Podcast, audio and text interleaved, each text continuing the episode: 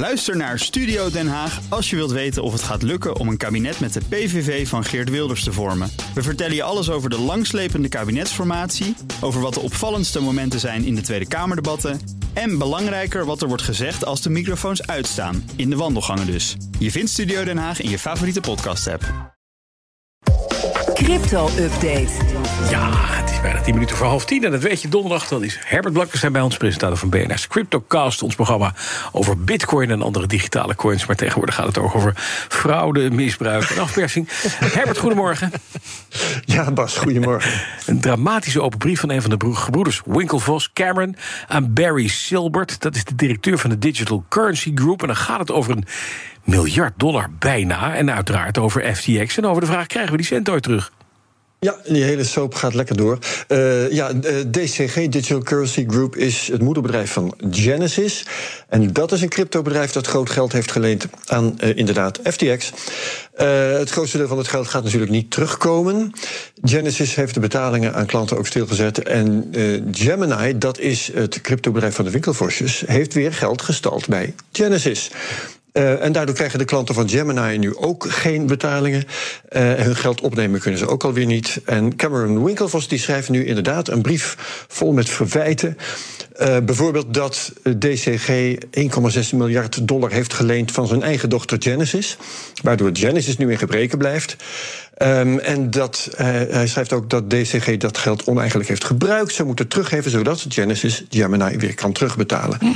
Um, Cameron Winklevoss zegt dat Silbert niet reageert op voorstellen voor een oplossing. Dat hij ook geen afspraak wil maken voor overleg. En hij beschuldigt, let op, Silbert zelfs van kwade trouw. En dat is nogal wat als je eigenlijk nog een deal moet maken. Ja, en meneer Barry Silbert, heeft hij daarop gereageerd in het openbaar? Ja, ja, via Twitter natuurlijk weer. Ja, natuurlijk. Um, hij ontkent dat DCG zoveel geld heeft geleend van Genesis. Hij ontkent dat DCG in gebreken blijft. Hij zegt ook dat hij wel degelijk een te tegenvoorstel heeft gedaan aan Winklevoss... en dat hij daar dan weer geen reactie op heeft gehad. Dus hij maakt Cameron Winklevoss publiekelijk voor leugenaar uit. Ja, precies. Ook leuk. Winklevoss heeft nu uh, Silbert een deadline gesteld. Deed hij trouwens al in die open brief. Deadline is 8 januari. Maar ja, uh, Silbert heeft duidelijk geen geld of wil het niet geven. En Winklevoss heeft geen machtsmiddel. Dus dat heet dan een stevige padstelling. Ja, dat is niet fijn. En toch is het ook weer weer een beetje het verhaal van... we hebben geld van klanten, we zetten dat uit op een andere manier. Nou, uh, ook Bitfavo, Nederlandse uh, crypto-platform... is daar ook bij betrokken. Ja. Die hebben, krijgen ook nog gewoon geld van, van DCG. Ja, inderdaad, 280 miljoen. Ja. Uh, Bitfavo heeft zich op 2 januari weer laten horen. Ze hebben in een blog gesteld dat er gesprekken zijn met DCG. Dat, die gesprekken hebben zij dus wel. Uh, dat er voorstellen voor een oplossing heen en weer gaan.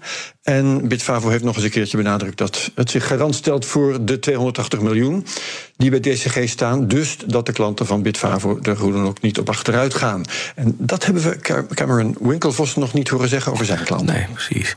En dat zijn bedrijven die alleen nog maar bang zijn dat ze de rekeningen niet kunnen betalen. Er zijn er ook twee deel uitstel van betaling hebben en elkaar nog steeds, of althans desondanks, de tent uitvechten. Ja, ja, uh, dan heb je het over Core Scientific, ja. die noemde ik vorige week al, een miningbedrijf. Uh, en Celsius, dat is het leenplatform. Allebei zitten ze in Chapter 11 Bankruptcy Protection. Dus ze hoeven even de rekeningen niet te betalen. Nou, in dit geval hebben ze elkaar wat te betalen. Uh, Celsius heeft namelijk plek gehuurd in een datacentrum van Core Scientific. om daar aan mining te doen. Uh -huh. En dat uh, ja, was een van de manieren voor Celsius om rendement te halen voor de klanten.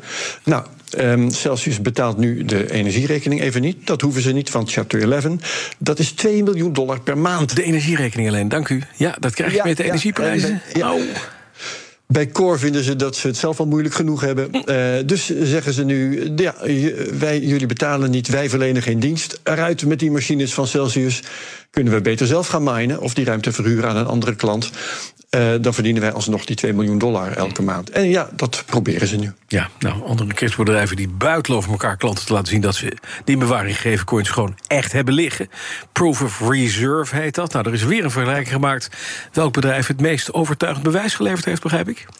Ja, dat is heel mooi. Het is een initiatief ja. van Nick Carter. Hij is durfkapitalist, hij is crypto-influencer, heeft 350.000 volgers op Twitter.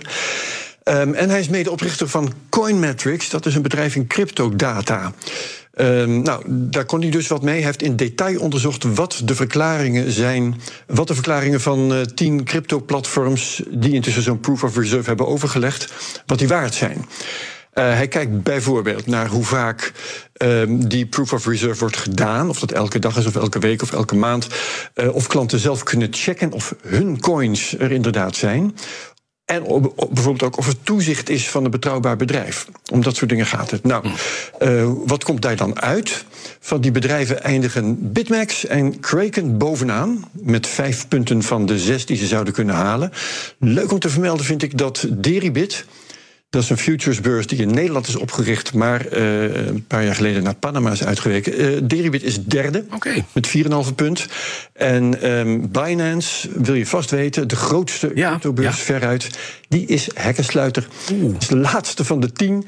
En dat komt door onduidelijkheden over wat er precies in kaart is gebracht. En ook doordat het begeleidende bedrijf, dat heet Mazars.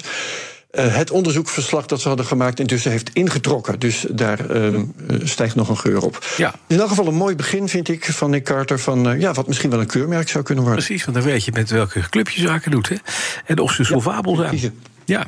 ja. Wat heb je in de CryptoCast deze week, Herbert? Of wie, moet ik zeggen? Maar niks. Schorel, ja, inderdaad. Hij is ja. maker van de podcast Beginnen met Bitcoin... Um, een van de dingen die hij graag doet, is mensen uitleggen hoe ze veilig hun crypto kunnen opslaan. En ook waarom een eigen beheer beter is dan als een tegoed op een rekening. En hoe je dat dan kunt aanpakken als je dat zo wilt. Uh, als je nu nog bij je coins kunt, dan is het uh, dus nog niet te laat om dat te doen en moet je luisteren. Ja, dat is duidelijk. En dat kan. Alle afleveringen van de CryptoCast kun je beluisteren via de BNR-app op uh, bnr.nl of de podcast-app van jouw keuze. Crypto-update wordt mede mogelijk gemaakt door BitTonic. Al tien jaar lang de Bitcoin-autoriteit van Nederland. Ook Thomas van Zeil vind je in de BNR-app. Je kunt live naar mij luisteren in Zaken doen. De BNR-app met breaking news, het laatste zakelijke nieuws... en je vindt er alle BNR-podcasts, bijvoorbeeld Het Nieuwe Geld. Download nu de gratis BNR-app en blijf scherp.